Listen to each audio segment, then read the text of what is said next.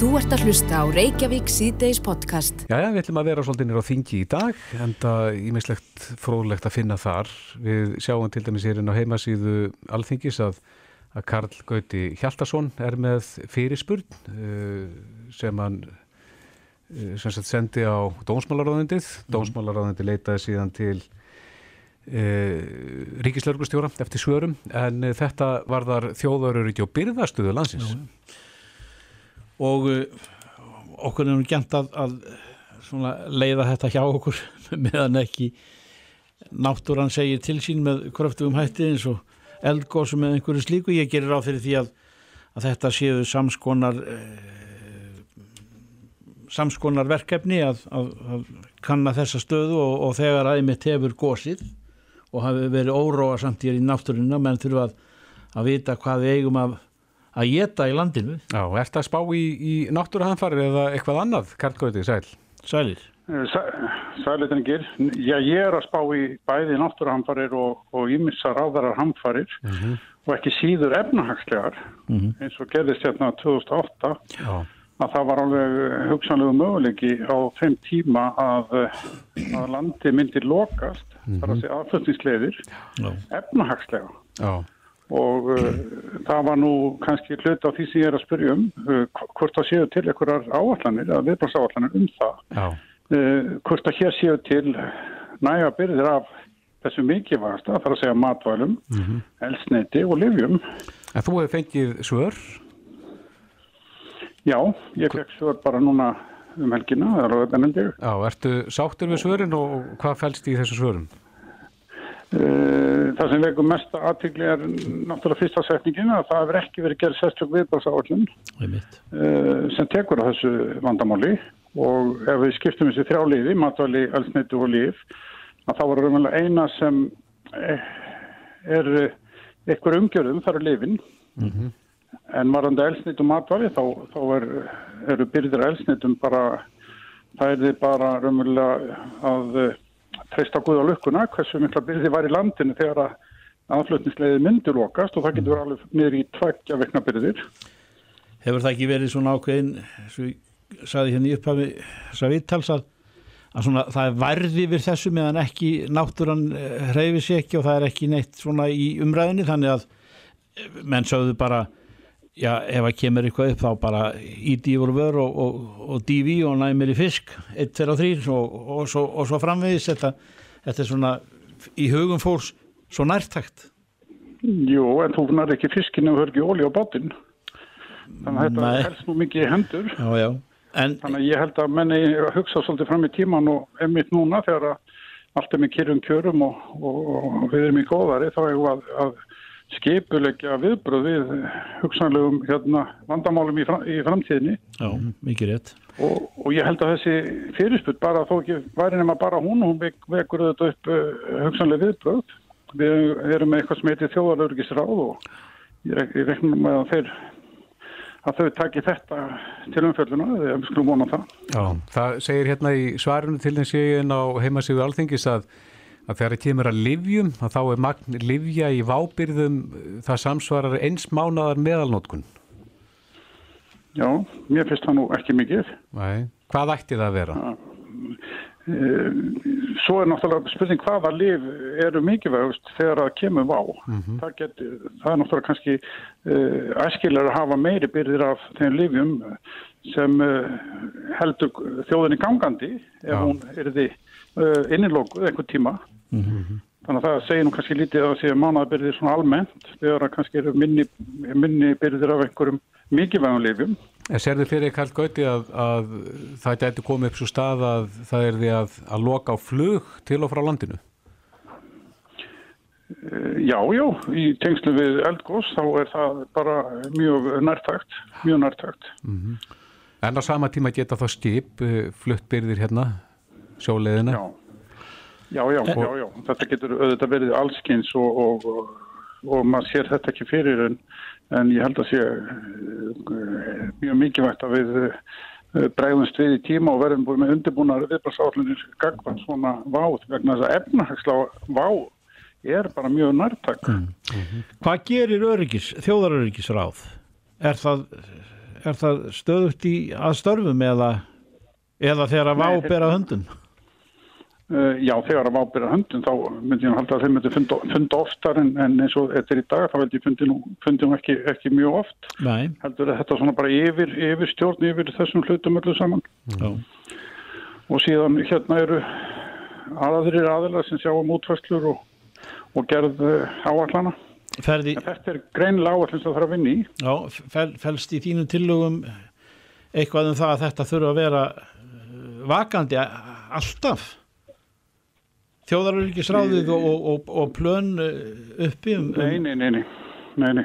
ég er ekki minna til og ég er bara að spurja og, og svarið gefur mér þær hugmyndir um að það þurfa að skoða þetta ennþá betur og, og við þurfum að vera betur undir búin að, að það skelli á hugsanleg uh, hugsanleg teppa í, í hérna aðflutningsleiðum hingað af einhverjum orsökum og við þurfum líka að huga að, að okkar eigin framleyslu hér innanlands, bæði landbúna og sjárótök. Einmitt, og að þess að vera að vekja upp einhverja hræðslu kallgöti en uh, þegar það kemur að matælunum að þá sérðu fyrir landbúnaðurinn þurfi að, að vera með á nótunum þarna þegar það kemur að því að, að hérna, framleiða ofan í okkur. Já, það er eitt sem ég er að meina með þessu, þessar spurningum minni, það er það að við þurfum auðvitað að eiga ólíu á fiskiskipin, eh, einhverja lámaspyrðir og á landbúnaðantækin til að við getum verið sjálfbar hér um einhvern ákveðin tíma, svo er það annar að kannski að taka ákveðin það hversu langur tími það ætti að vera, sem við, við myndum sagt okkur við að vera sjálfbar. Það er mitt. Já, eh, þú ert búin að fá svar eh, vanturu einhvers frekar eh, þar að segja umræðum þetta eða Ég, mun fylgja þessu eftir með, með hugsanlega an, annari fyrirspurn og, Já, og uh, umræðum um þetta það er mitt. Akkurat. og hugsanlega, hugsanlega tilugum. Já, Karl Gauti Hjaltarsson, þingmaður, kæra þakki fyrir þetta. Gótt mál. Takk, Takk. Takk fyrir þetta. Þú ert að hlusta á Reykjavík síðdeis podcast. Reykjavík síðdeis, við erum uh, svo litið á, á hvað við segja með annan fótinn nýr í alþingi, nýr á alþingi en, en það kemur bara til út af því að stundum koma dagar þar sem mörg mál detta inn eftir svona, eftir svona þurrk, nefndar dagar og annað sem að hef, hef, hef lítið af málefnum þíns að, að eh, segja meðan þeir standa yfir. En, en svona sessunautur okkar hér heitir Simil Davík Gunnlaugsson og uh, er að koma þinginu. En uh, uh, þú hefur og miðflokkurinn í ferðum sínum um landið og, og haft aðtiklisvert mál á, á takteinum kallað eftir því að fólk og smærri fyrirtæki segi ykkur af því af uh, já, glímu sinni við kerfið. Þar að segja að, að íslenska kerfið sé fyrirferðað mikið og, og, og frekt og tímafrekt uh, alls konars frekt og, og, og hérna þannig að, að eh, menn fara oft sko frá borði svona frekar bóknir Já, já, eru þið búin að fá slatta af, af sögum og vitnisspurðum Það um það hvað, hvað kerfi getur verið það er streyma í núna, ég veit ekki hvað er orðna margar, þetta nam einhverjum tögum bara fyrsta daginn, en uh, þetta er svo sem ekki alveg nýtt áhugamál hjá mér. Ég fór í þetta og við í ríkistöndun á sínum tíma strax 2014 gaf uh, fórstræðandið út uh, annars vegar skýslu um það hvernig við ætlaðum að fara í þetta verkefni þá og svo sérstaka handbókum einföldun regluverk sem að stopnunum og, og ráðunitum var ætlað að nota. og mér hefur nú ekki þótt nógu mikil eftirfylgni af því svona á síðust árum en þráttur að ég hef ætlað að- að taka þetta upp þá var það mjög sterk upplifun núna í sömar og í haust á, á ferðum mínum um landið að ég þurfti ekkert að vera fyrri til að nefna þetta því það var eiginlega hvert sem maður kom hvort sem það var inn á heimili í kaffi eða á vinnustad og fundi að þá fórum en að lýsa viðurregnum sínum við kerfið, reynslusugum og það er yfirleitt best að reyna að heyra hlutina beint frá fólki heyra reynslusugur af því sem að menn er að upplifa til þess að geta það mótað skynsalega stefnu. Þannig að við tókum upp á þessu að auglýsa eftir reynslusugum og markmiðið er þá að kortleggja vandan til að geta tekist á við hann betur. Er það að fá sögur í dag? Já, það er halda fram að, að streymin. Já. Getur þú nefnt okkur dæmi um sögur að bara áttu við kerfið? ég get nú ekki nefnt af því sem er að koma núna því að ég einfallega hefur ekki haft tíma til að, til að fara yfir þetta þá við erum að, búin að vera að funda uh, vorum að funda um helginum með flokksráðsfund, mm -hmm. mjög góðan fund en uh, svo vinnum við úr þessu og En hvernig gæti svo bara átt að litið út? Er það, er það kjærfið ykkur eftirlitstofnanir eða því hafið hjá miðflokknum talað um það að, að embættismanna kjærfið, það ráði öllu hér já, já. frekar heldur en pólitíkin. Þetta nefnilega hefur svo víðtæk áhrif að ef það tekst vel til í þessu þá munir það hafa gríðarlega áhrif á, á getu okkar til þess að sinna nöðsynlegum hlut, hlutverkum í samfélaginu en þetta mun líka hafa líðræðislega áhrif.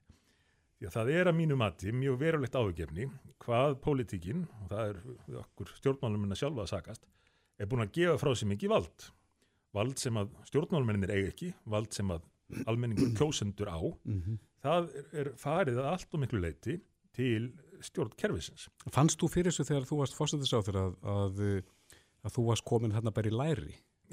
já, já, ég var þetta meðvitaður um þetta einhverju leiti áðinni byrjaði þannig að maður reyndi nú að passa sig og margir forverar í politíkinni, svona eldri búin að, að vara við þessu, þannig að maður reyndi að vera á tánum En samt hef ég nögt tíma sagt fyrir því áður að þegar maður vildi ráðast í stórar breytingar þá var stjórnar anstaðan yfirleitt ekkit svo mikið vandamál. Jú þau gáttu beitt sér gegn því, kosið gegn því og svo framins.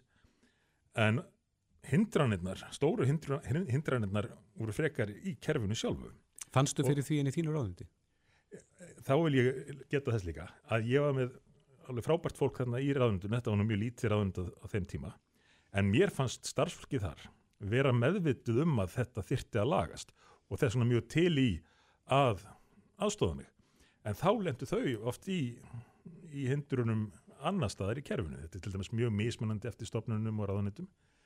En, en við allavega einsettum okkur að reyna að breyta þessu þá og, og starfsfólki í ráðanitinu vann mjög gott starf og ég vil nú taka það skýrt fram í þessu samingjöldu að ég er ekki að setja út á embætismenn almennt hlutverk þeirra í líðræðisríki er alveg gríðarlega mikilvægt en það hlutverk á að vera að þjónusta almenning, að ráðleggja og aðstóða stjórnmálamenn og að framfylgja líðræðislegum ákvörðunum en ekki að stjórna mm.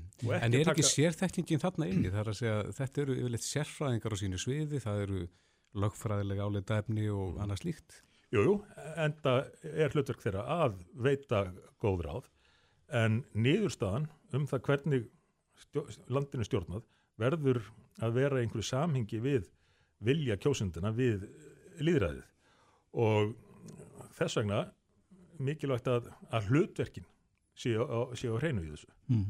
Er þú, eh, já, nú, nú er stjórnarskráin, eh, ég segi ekki smíðum en það, það er að, að koma hlutin þar í kring, það er umröðu vettvangur hér og, og þar og mm -hmm og það er eh, samkvæmt eh, allar ríkistjórnar að þá að, þurfi það að, að leggja svona ljósar línur fyrir í lók kjörtímabils.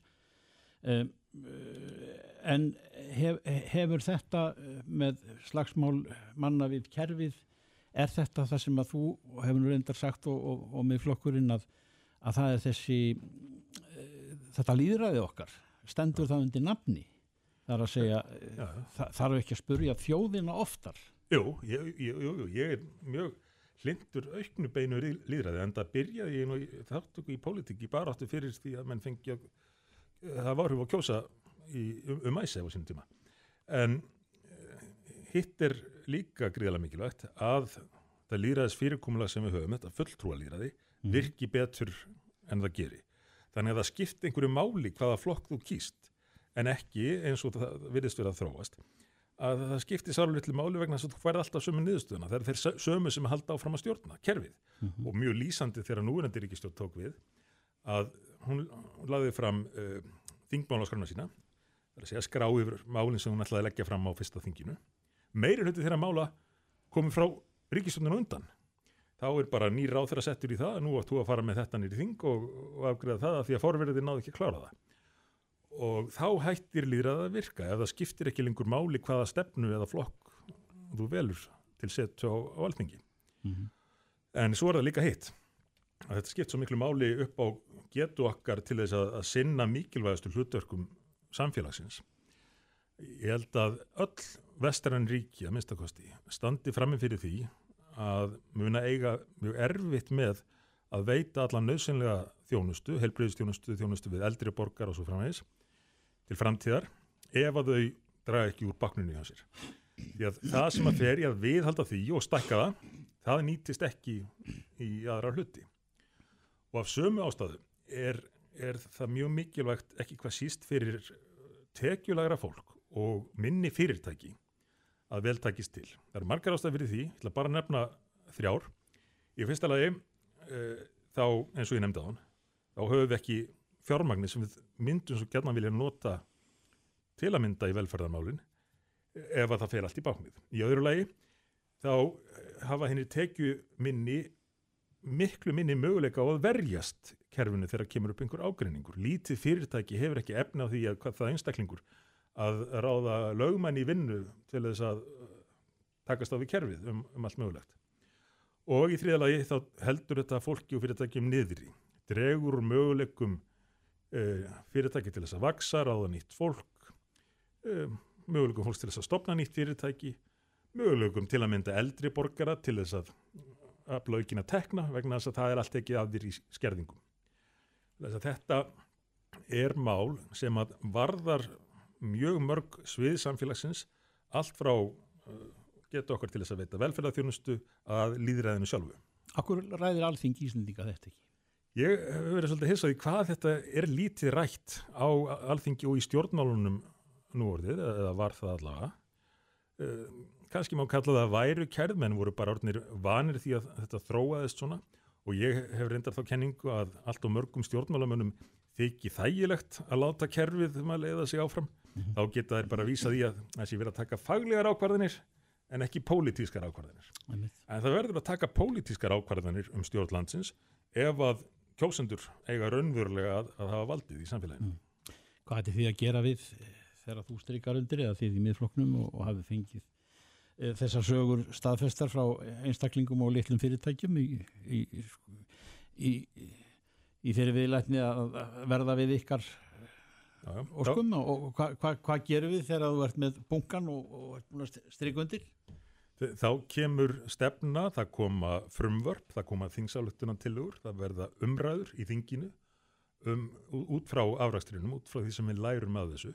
Við náttúrulega komum ekki með, með frumvarp um, hvert tiltekki mál en það er það ekki ætlunin, heldur miklu frekar að ná að kortleggja hvar í hverju vandin fælst raunverulega, eðiljans og þar af leiðandi hvernig er best að ráðast í úrbætur. Mm -hmm. Eitt af því sem við gerðum á, á sínum tíma þegar við vorum að vinna í í fóstrjónundunum var að heimsækja Eista, vorum til, til Eistlands, þeir hafa náð mjög langt í, í rafrætni stjórnsýslu og veit að þið ætlaði einhvað að ræða það við formað samtaka hinnaðanis hér og eftir. Mm -hmm. uh, það er margt að gera og, og þegar leggja fyrir hugmyndir en við ætlum að klára útfæra þetta þegar við erum búin að fá heildarmyndina frá almenningi sjálfum. Mm -hmm. Rétt aðeins í lógin, Sigmundi, ég verð nú að hérna fá viðbröðinni þessari frétt sem að byrtist inn á vísi í dag. E, það sem fyrirsögnin er málþó miðflokksmann og annað álag kostaði 40 miljónir. Já, þetta er náttúrulega alveg kostilegt. Þannig að maður segja að kerfið sé að reyna að þakka niður í hérna, þeim sem að vilja líðræðið. En eins og við bentum nú margótt á, ekki hvað síst ég á sínum tíma, þá var þetta algjör óþarfi af fósita þingsins að reyna að fara þá aðferð að þreita okkur að því markja við myndum þeia og bara hleypa þessi gegn. Fyrst voru lóttin talað til þrjú, svo fjögur, fimm, sex og svo fram á hátegi í daginn eftir sem var alveg frá leitt nálgun að menn teldi að vera hægt að brjóta okkur bakaftur með slíkum hætti, láta okkur tala þegar fólk hefði ekki tækifæri til þess að fylgjast með umræðinni. Þannig að hefði verið hægt að halda, halda þessu uh, miklu minni skinnsemi, enda var þarna um að ræða mjög váðsamt mál sem að er einmitt liður í kervisvæðingu samfélagsins. Viltu þá að þessi verðmiði verði hengtur á fósetta þingsins?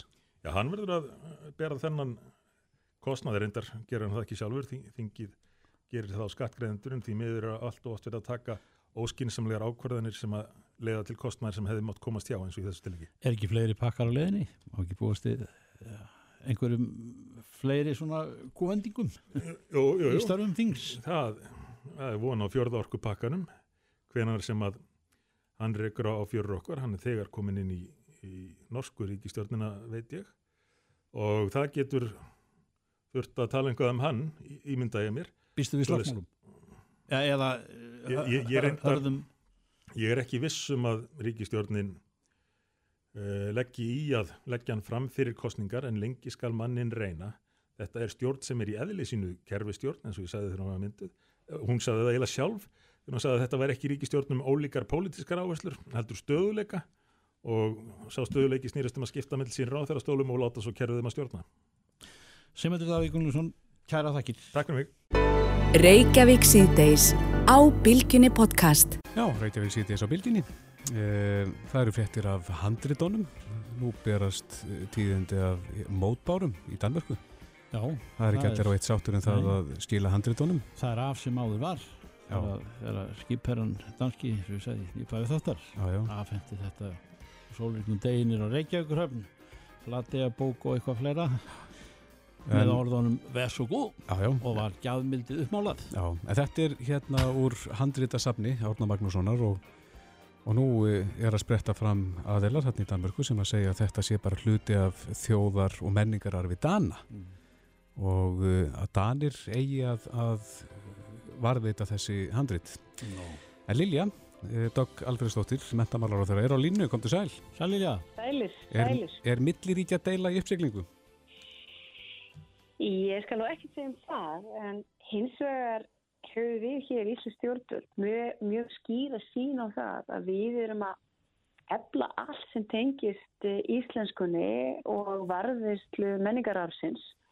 Og þetta er eitt liður í þeim aðgjörðum sem við höfum verið í. Við erum til að mynda að reysa hús íslenskunar og við erum að fara að reysa mjög veglega síningar aðstöðu og rannsóknar aðstöðu og til að gera handritin aðgengilegri.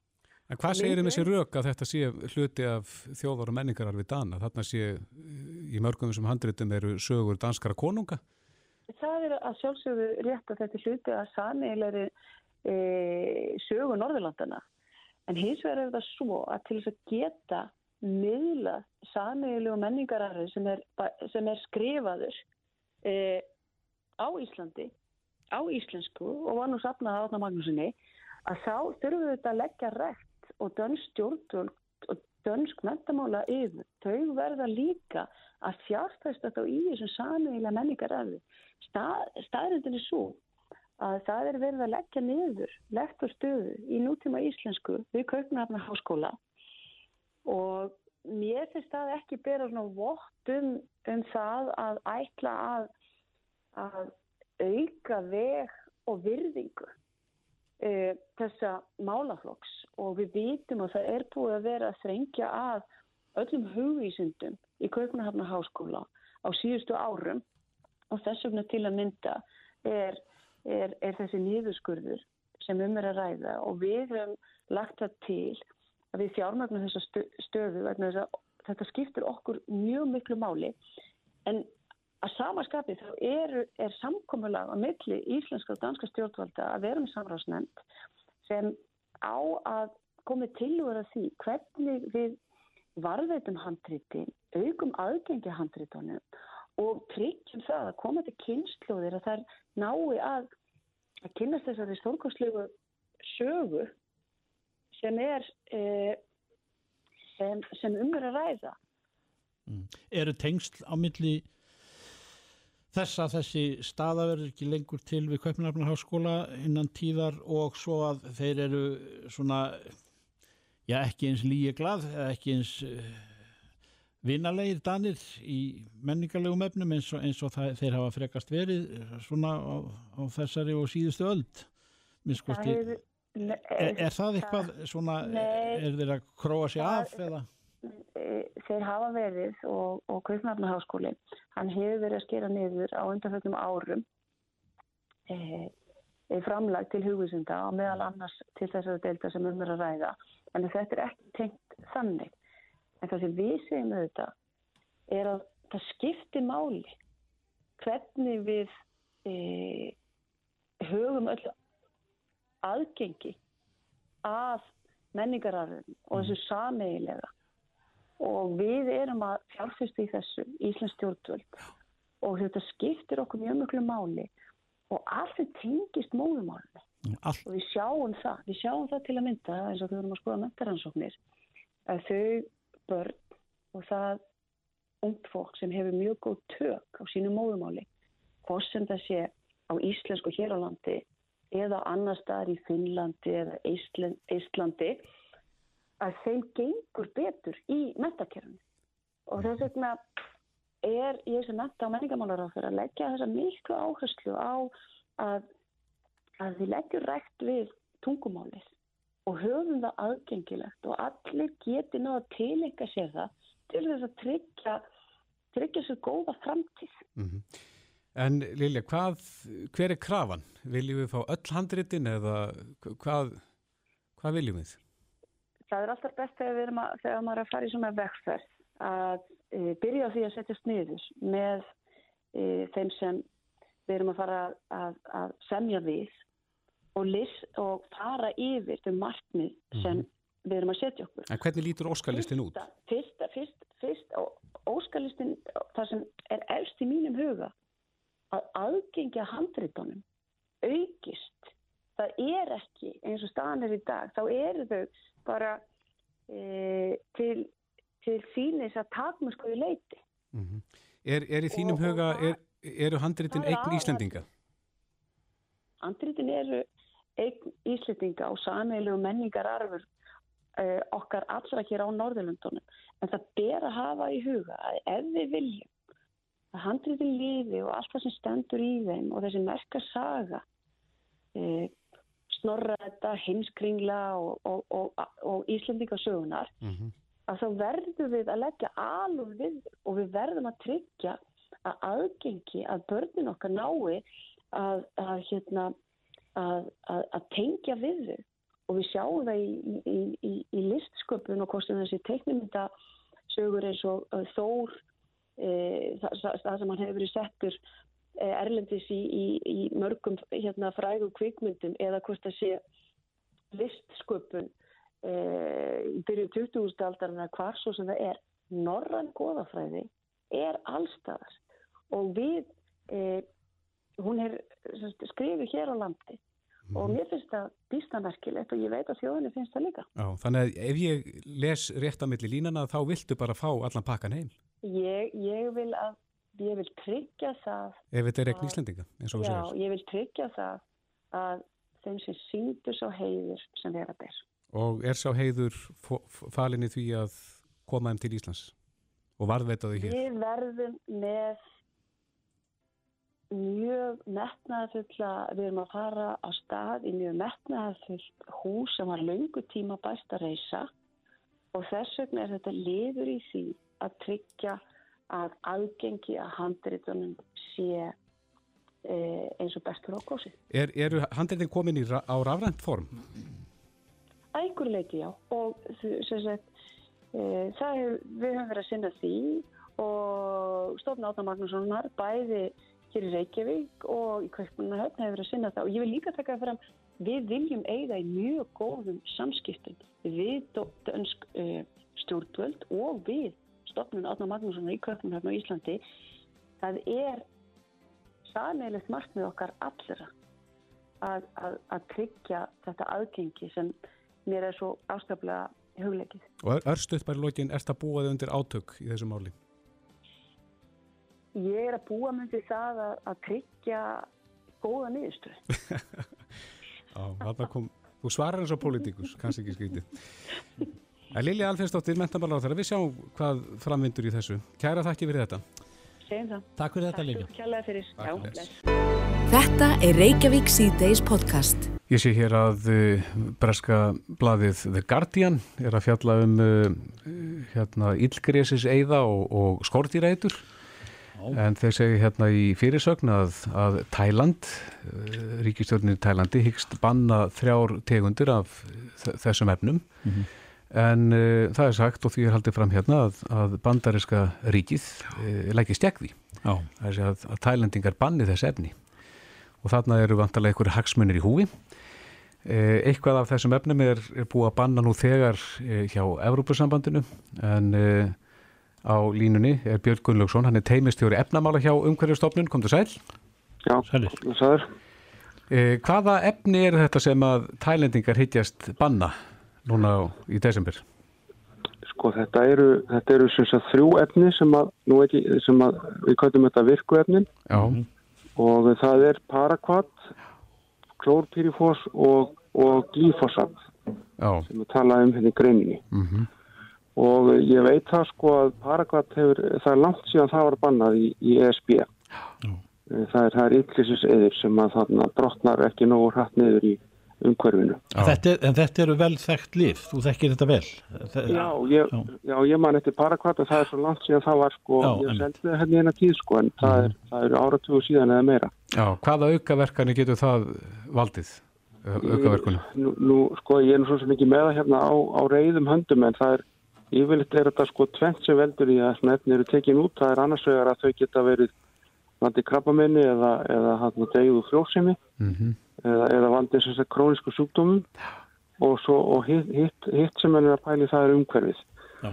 Þannig að, að mér minnir endilega að Paraguat hafi verið fælt aðala því að það var sko bara það, það brotnar ekki niður í, í, í jarfi og helst það bara... Já, hérna segir eitt af þessum efnum uh, klór fýrifós, byrja þetta rétt fram. Já. Að það geti valdið heila stjendum hjá, hjá börnum. Um, það kann að vera sko, það er nú mhm. bara, sko, nú er, nú, nú er ég að fletta þessu upp og klórfyrirfoss er ekki, það er leift en þá í SB Já. en við minnir endilega ég hafi verið heyrt sko einhver, einhvern áengaði að það er því sannlega ekki, ekki samtitt áfram mm -hmm. uh, en sko það sem að gildir um þessi efni með við að það er að það eru annars vegar að þú þarfst að vera með þjálfun til að nota þið, þú til dæmis hérna í Íslandi þá þarf maður að vera með notendaleifi til að nota svona, svona efni mm -hmm og síðan erum við líka með reglur um það að, að matjöldir með ekki innihalda meiri tiltekki magn af þessu og það er, það er, það er eftirlit sem, sem matvælarstofnum sinnir. Mm. Á hvaða leið erum við þegar að kemur að svona efnum, uh, skortýrætri og yllgrísi segðum? Er, er þetta að, að detta út svona meira og minna? Uh, sko það, það er...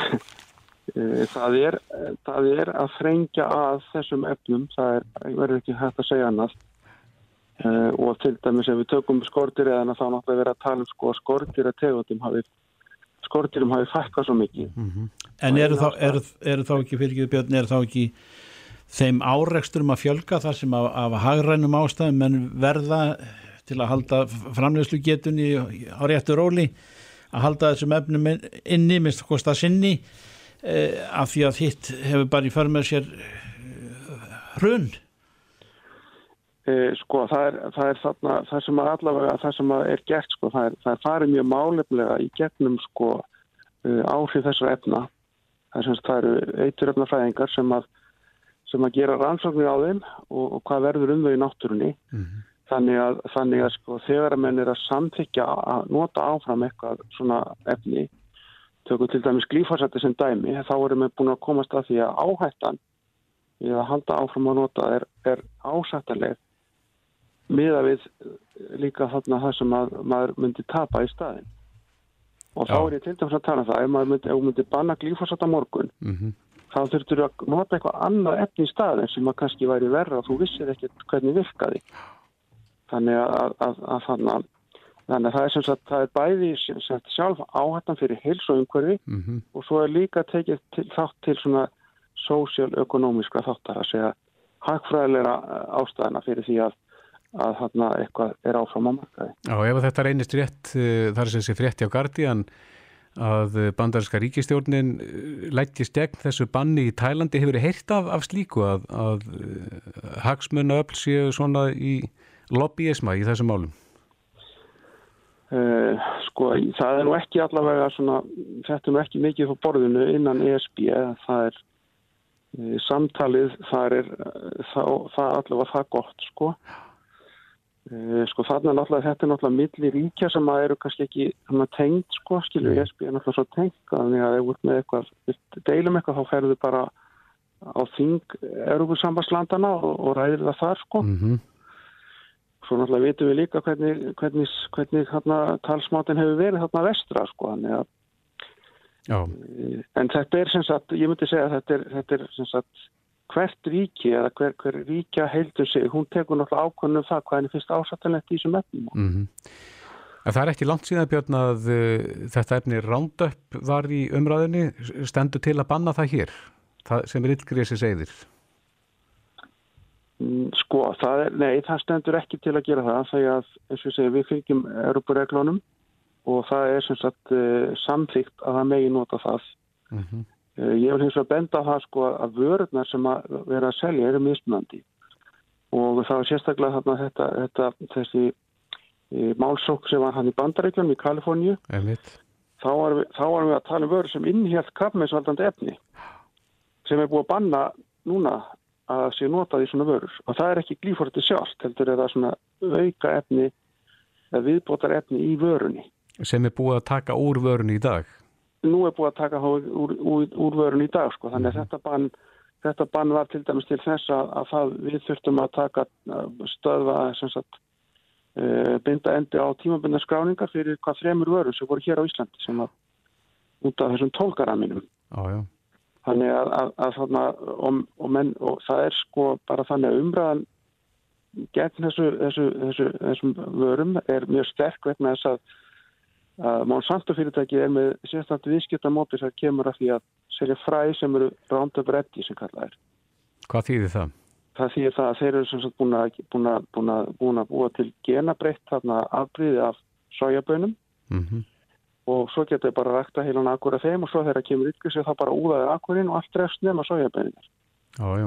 Það er það sem við talaðum um þá er það Roundup Ready Mm Eh, og þeir eru sem sagt búin að fá engaleifi á svona fræi og þannig að, þannig að þetta svona eh, þessi, þessi illa ímynd hún hefur færst líka yfir á, á ykkursis eðin akkurat. sem heitir Roundup.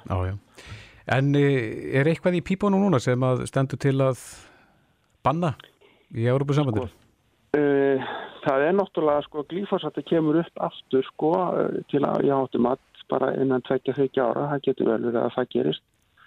Við munum, það er líka, sko það er klórpýrjaflossi sem að er, endar, það er engin vara á Íslandi sem að innheldur það virkarni, þannig að og, og, og bara við erum yfirlegt ekki mjög, mjög, við erum heldur færri skortir eða heldur mörg ánur lönd, bara því hérna það er, það er ekki nógu mörg skortir hérna til, að, til að drepa. Nei, akkurat. Þurfum ekki á þessu að halda. Það, það, það, þetta er svona, skilu, þetta er svona hægt ferdi sem er sígandi og það er svona virku efnilegri skoðu á tíu ára fresti og þá er metið aftur hvert að ég halda áfram að samþykja þau að, að og, og það er trendið er það, sagt, það er tilneying til þess að þessum vörum að, að, að sé þrengt af þeim í framtíðinni. Já, akkurat.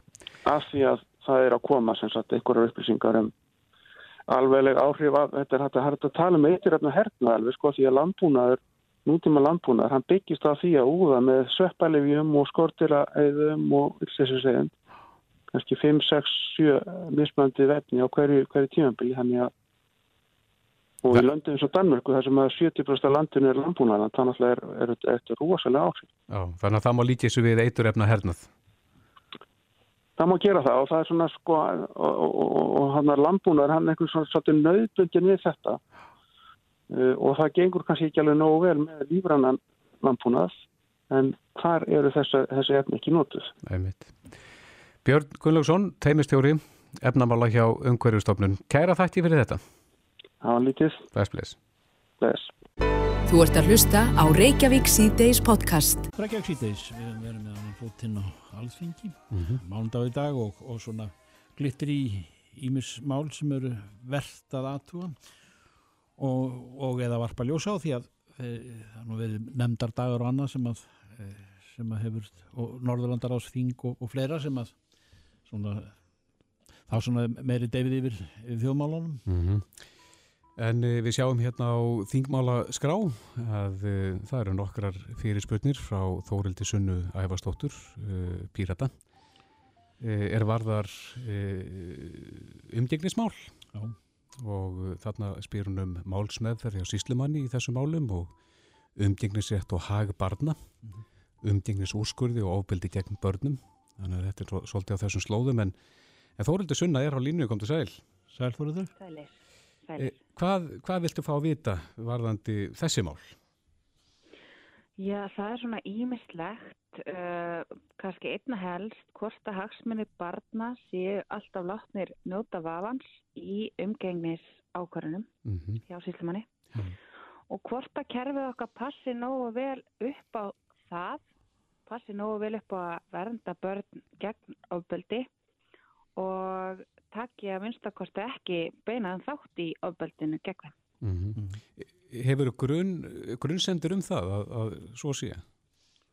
Já, við hefum alltaf séð um, endur frásagnir. Stundin hefur verið mjög dugleg við að segja frá málum, uh, meðal annars málum barna eða viðtölum við fullari fólk sem hafa voru börn og voru skikkuð í umgengni við fóreldri sem hafa jafnvel verið dæmt fyrir kynferðisofbeldi gegnum. Mm -hmm. Þannig að það eru sláandi dæmi til. Sen eru þá, þá eldri mál?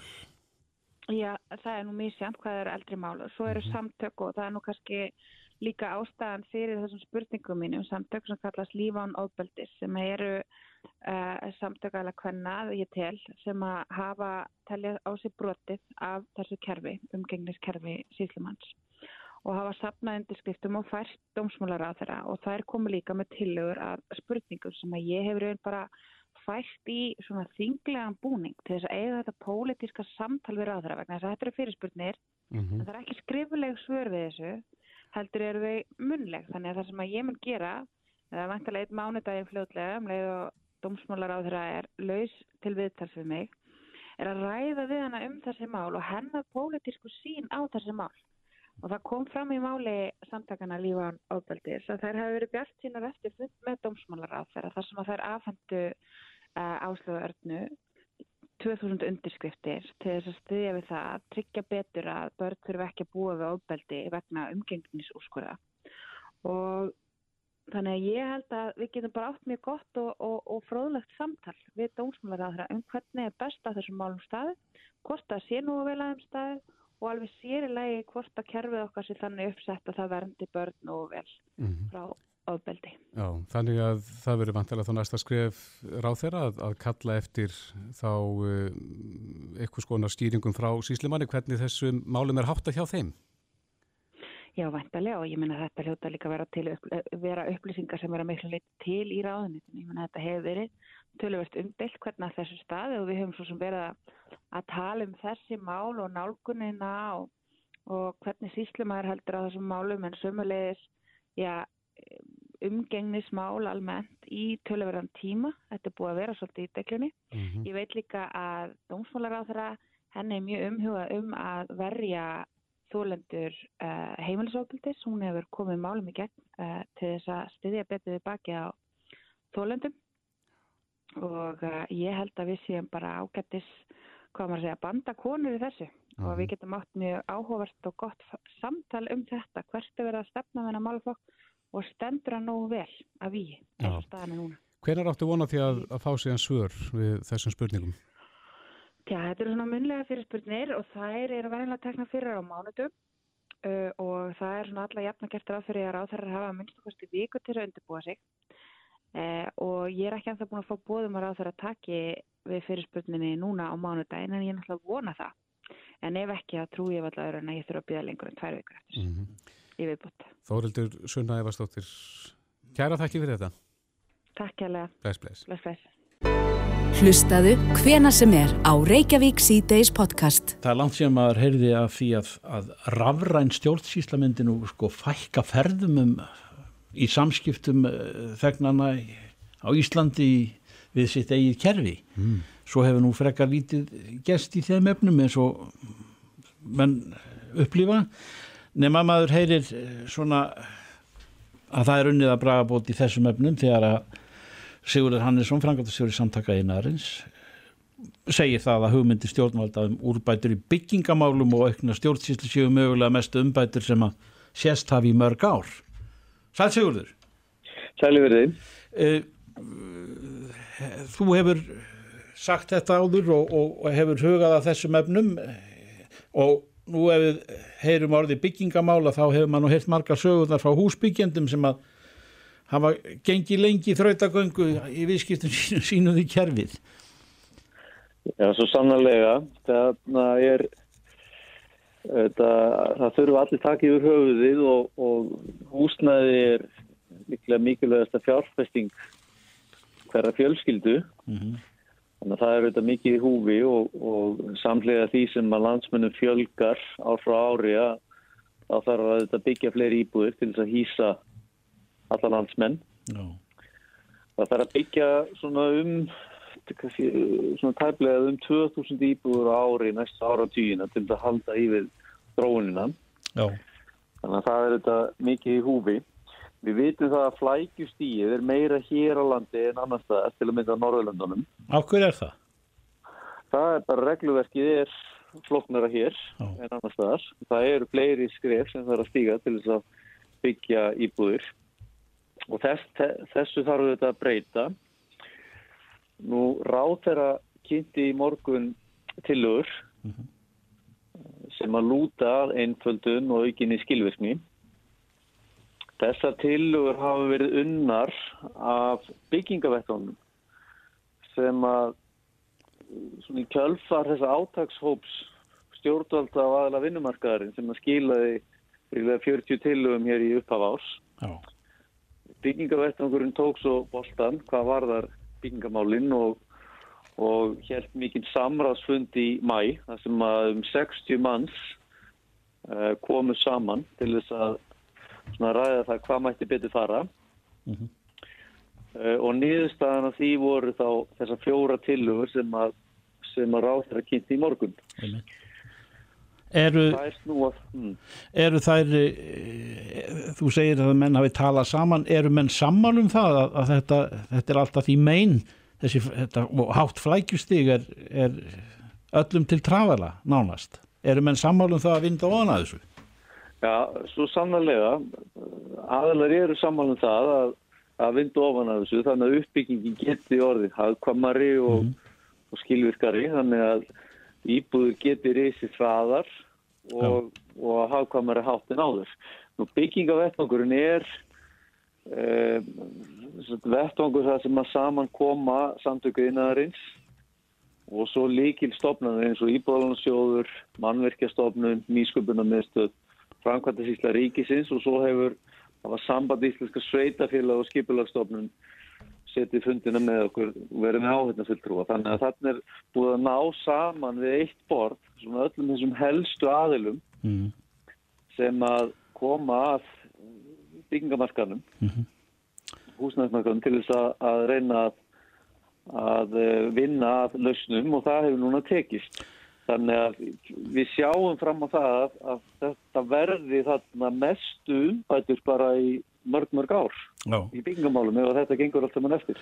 En e, er það borin vona að að þessu gæti fyllt eh, lægri byggingakostnaður eða hvað einstaklingurinn þarf að skuldbinda sig langt fram eftir æfi, ef ekki, ef ekki alla æfi, starfsæfi, til þess að greiða fyrir kannski eh, eigin hýbíli, við þekkjum þá sögu vel, er myndist þessi hagræðinga, þessi, þessi samþygt og þessi ætlan stjórnvalda og, og, ykkar sem hafi unnið að þessu, getur það orðið til þess að, að byggingakostnaður fari úr hæstu himna hæðum, eitthvað niður? Já, svo sannarlega, bara um, um leið og yfirsýnin eikst, um leið og eftirlit verður skilvirkara, málsmeðþara tími í ágreifingsmálum styttist uh, og svo framvegist, þann þá þetta má búast við því að uppbyggingin verði hagkvamari. Já.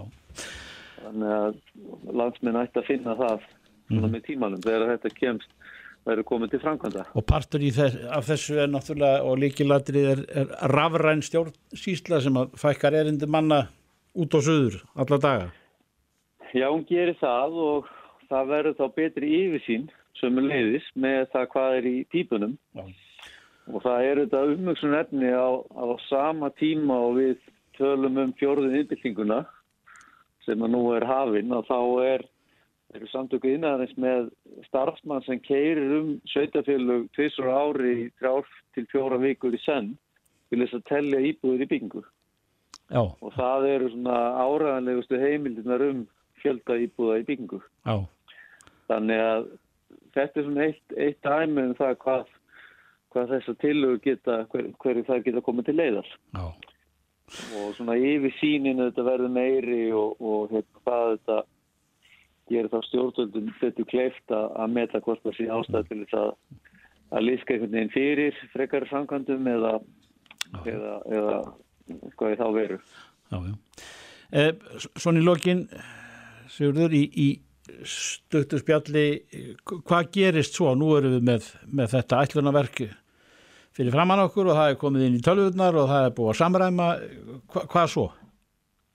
Hvað svo, já nú svona, þetta er þetta er auðvitað mislangt á við komið bara bara akkurat núna bara í þessum töluð orðum er ráþeira að mæla fyrir um saminningu uh, íbjöðunarsjóðs og, ma og mannverkjastofnunar Okay. og samlega því að þá verður byggingagáttin sem að er þessi stafræna stjórnstísla, hún verður gerða lagaskildu. Þannig að öll sveitafélum munum þurfa að nota hana. Þannig að bara nú þegar er þetta að koma til framkvæmda. Uh, en síðan eru aðri þættir þannig sem að sem að kannski þurfa einhverja vinnu áður en að hægt verður að leggja fram mál í þinginu. Gott mál, Sigurður Hannesson, frangöldastjóri samtaka yðnaðarins. Eh, Gangi ykkur vel og gangi okkur vel. Takk fyrir. Algjörlega, takk sem leiðis. Bless, bless. Hlustaðu hvena sem er á Reykjavík síðdeis podcast.